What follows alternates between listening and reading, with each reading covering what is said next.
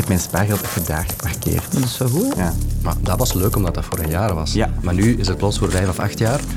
Wel heel lang, vijf jaar lang. vastzetten. Dat is echt lang. Is de nieuwe staatsbon nog de moeite waard? Finland gaat de komende nacht de helft van de grensovergangen met Rusland sluiten. Mogen daar nog door? Hoe zat dat? Blijkbaar waren er nog veel Finnen die naar eh, Rusland gingen sigaretten kopen en tanken en zo. Hoe makkelijk raak je de grens tussen Finland en Rusland over? Er was eens een sprookje. Ik heb daar enorm veel aan gehad als kind. Ik ben echt een talig persoon geworden door heel veel voorgelezen te worden door mijn grootmoeder. En maakt voorlezen aan kinderen echt een verschil? Vader die vertelde altijd over Fred Konijn. Ik ben Lode Roels en ik vertel je drie interessante verhalen in dit laatste kwartier van de werkweek. Welkom. Ik ga meteen beginnen met een bekentenis. Ik heb drie maanden geleden niet ingetekend op de eenjarige staatsbon. Sinds vanmorgen kan je inschrijven op de nieuwe staatsbon met een looptijd van één jaar. Na één jaar krijg je het ingelegde geld terug met daarbovenop een netto-rente van 2,81 procent. Die eenjarige staatsbon was een gigantisch succes. De opbrengst ja, die is toch wel fenomenaal. 22 miljard euro. Nog nooit was een staatsbon zo populair. De Belgen kochten dus massaal staatsbonnen. Behalve ik. Vandaag bent u onherroepelijk te laat. Ja, dus ik dacht, dan wacht ik wel op de volgende staatsbon.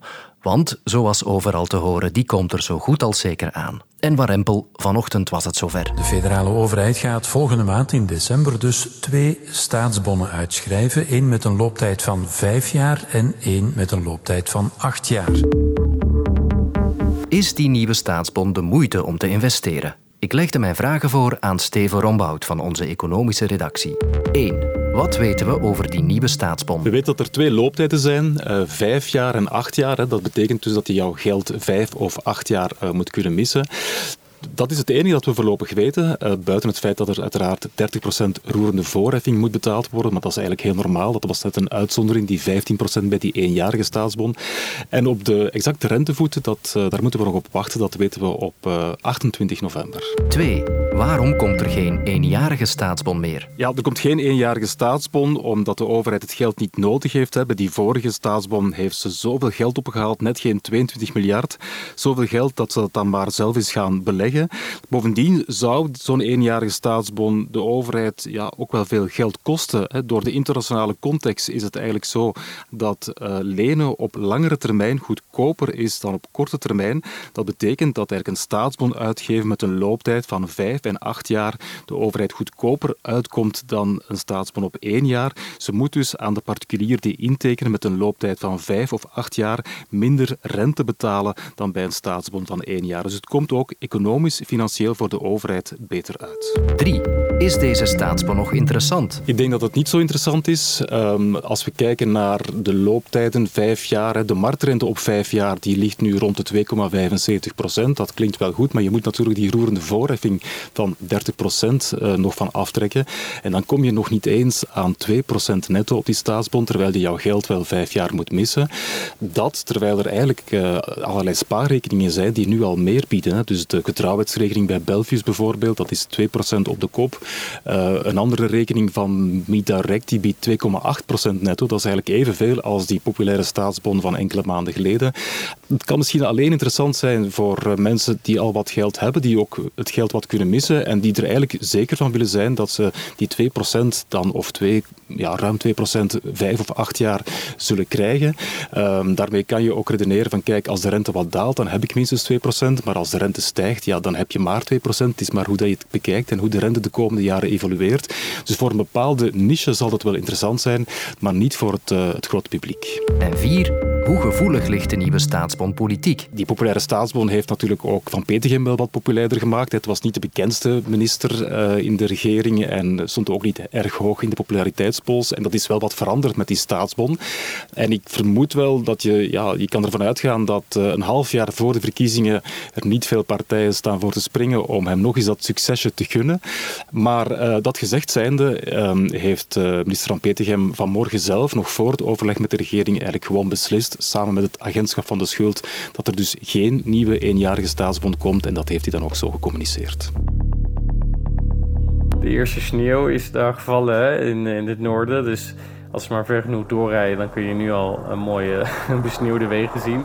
Dit is Jeroen Visser, Scandinavië-correspondent. En hij neemt ons mee naar het noorden van Finland.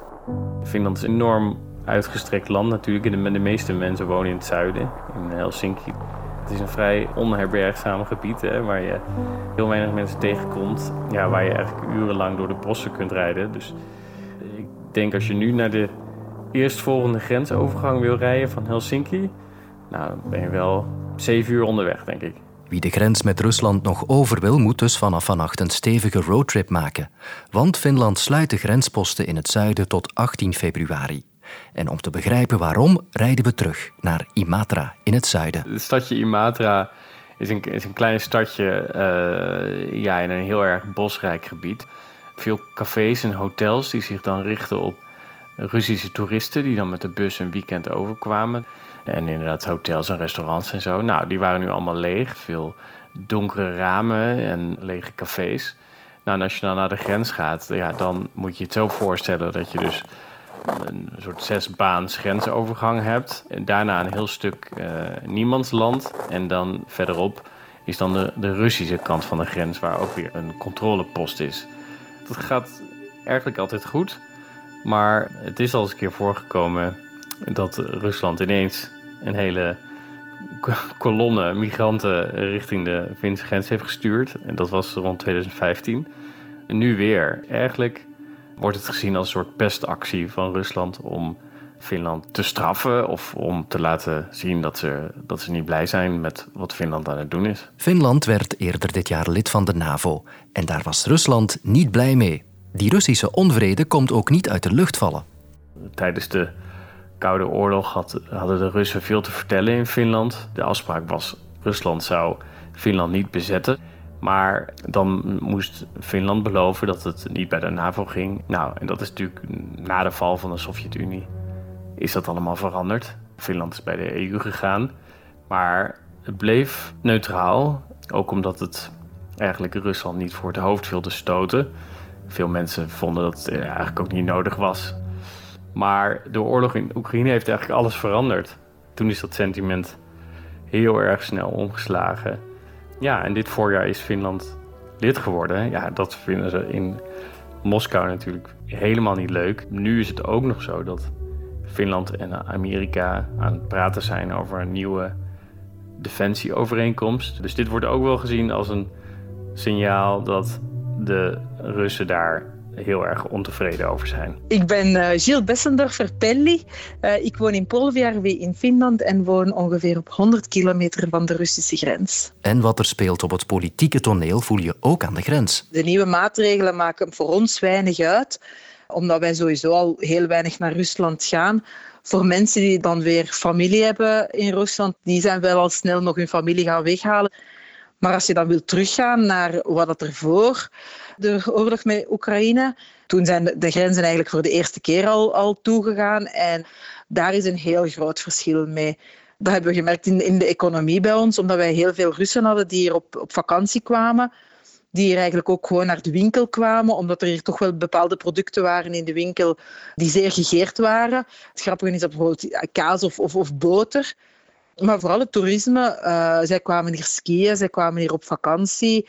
Dat merken we toch wel heel erg. Wat ik merkte in Imatra is dat Finnen ook uit principe niet meer bijvoorbeeld gingen tanken ja, aan Russische kant, omdat ze het regime in Moskou, zoals ze dat eh, zeiden, geen geld meer wilden geven. En dan zijn er ook nog allerlei Russen die hebben vastgoed in Finland. En er zijn nu al een aantal gevallen geweest dat de Finnen proberen om die mensen te onteigenen, omdat ze daar niet meer komen. Het zijn allemaal tekenen, zeg maar, dat die relatie echt aan het verslechteren is. En uh, ja, voorlopig uh, ziet het er ook niet naar uit dat het weer beter wordt. Om eerlijk te zijn, eigenlijk maken we ons altijd wel een beetje zorgen. Het is toch altijd wel... Uh, we hebben heel lang in vrede kunnen leven en heel lang dat er niks gebeurd was. En het ging heel goed. Uh, maar toen dat ze Oekraïne zijn binnengevallen, hebben we toch eens thuis gesprekken gehad van what if moesten ze nu zo gek zijn om hier ook binnen te vallen. En daar zijn op, op, dat moment vorig jaar zijn er toch heel wat gesprekken geweest op de werkvloer en alles. Van uh, wat zou er dan gebeuren? Maar we moeten altijd geloven in het goede dat het niet gaat gebeuren. Hè? Maar met de wereldsituatie zoals het er nu uitziet, uh, ik weet het niet. Er was eens, absoluut niet lang geleden, in het land hier helemaal niet ver vandaan, een koningin. Kan ik zitten hier? Ja. Iemand moet het weten waarom ik aanwezig ben in jullie klas vandaag. En één keer per jaar, zo rond de tijd dat de dagen korter en de nachten langer worden, riep ze haar allerjongste onderdanen bij elkaar. Ik. Je luistert graag. Om samen nieuwe werelden te ontdekken via de kracht van taal. Wie leest er een boekje voor u? Is dat Wie heeft de er net een boekje voorgelezen? De juf? De koningin. De koningin? Oh. En zo trapte koningin Mathilde vanochtend de voorleesweek op gang. Een week waarin samen verhalen beleven centraal staat. En heel belangrijk ook om die aandacht te schenken. Dit is Astrid Geudus, onderzoeker leesdidactiek aan de Thomas More Hogeschool. Zij kon mij vertellen waarom voorlezen o zo belangrijk is voor de ontwikkeling van kinderen. Onderzoek wijst uit dat als ouders nu vanaf de geboorte elke dag één boekje zouden voorlezen, dat die kinderen in de eerste vijf levensjaren ongeveer 300.000 extra woorden gaan tegenkomen. Als zij zouden spreken met hun ouders, ja, dan krijg je wel uiteraard ook bepaalde taal mee, maar hier krijg je toch complexere taal en een ander soort woorden. En zeker op het moment dat je dan ook nog eens dat voorlezen gaat koppelen aan veel interacties, doordat je vragen stelt bijvoorbeeld. Is dat mogelijk? Een walvis aan huisdier. Ja, dan ga je ook dat taaldenken aanwakkeren. En dat geeft dan natuurlijk ook weer veel meer kansen op sterkere leesbegrip.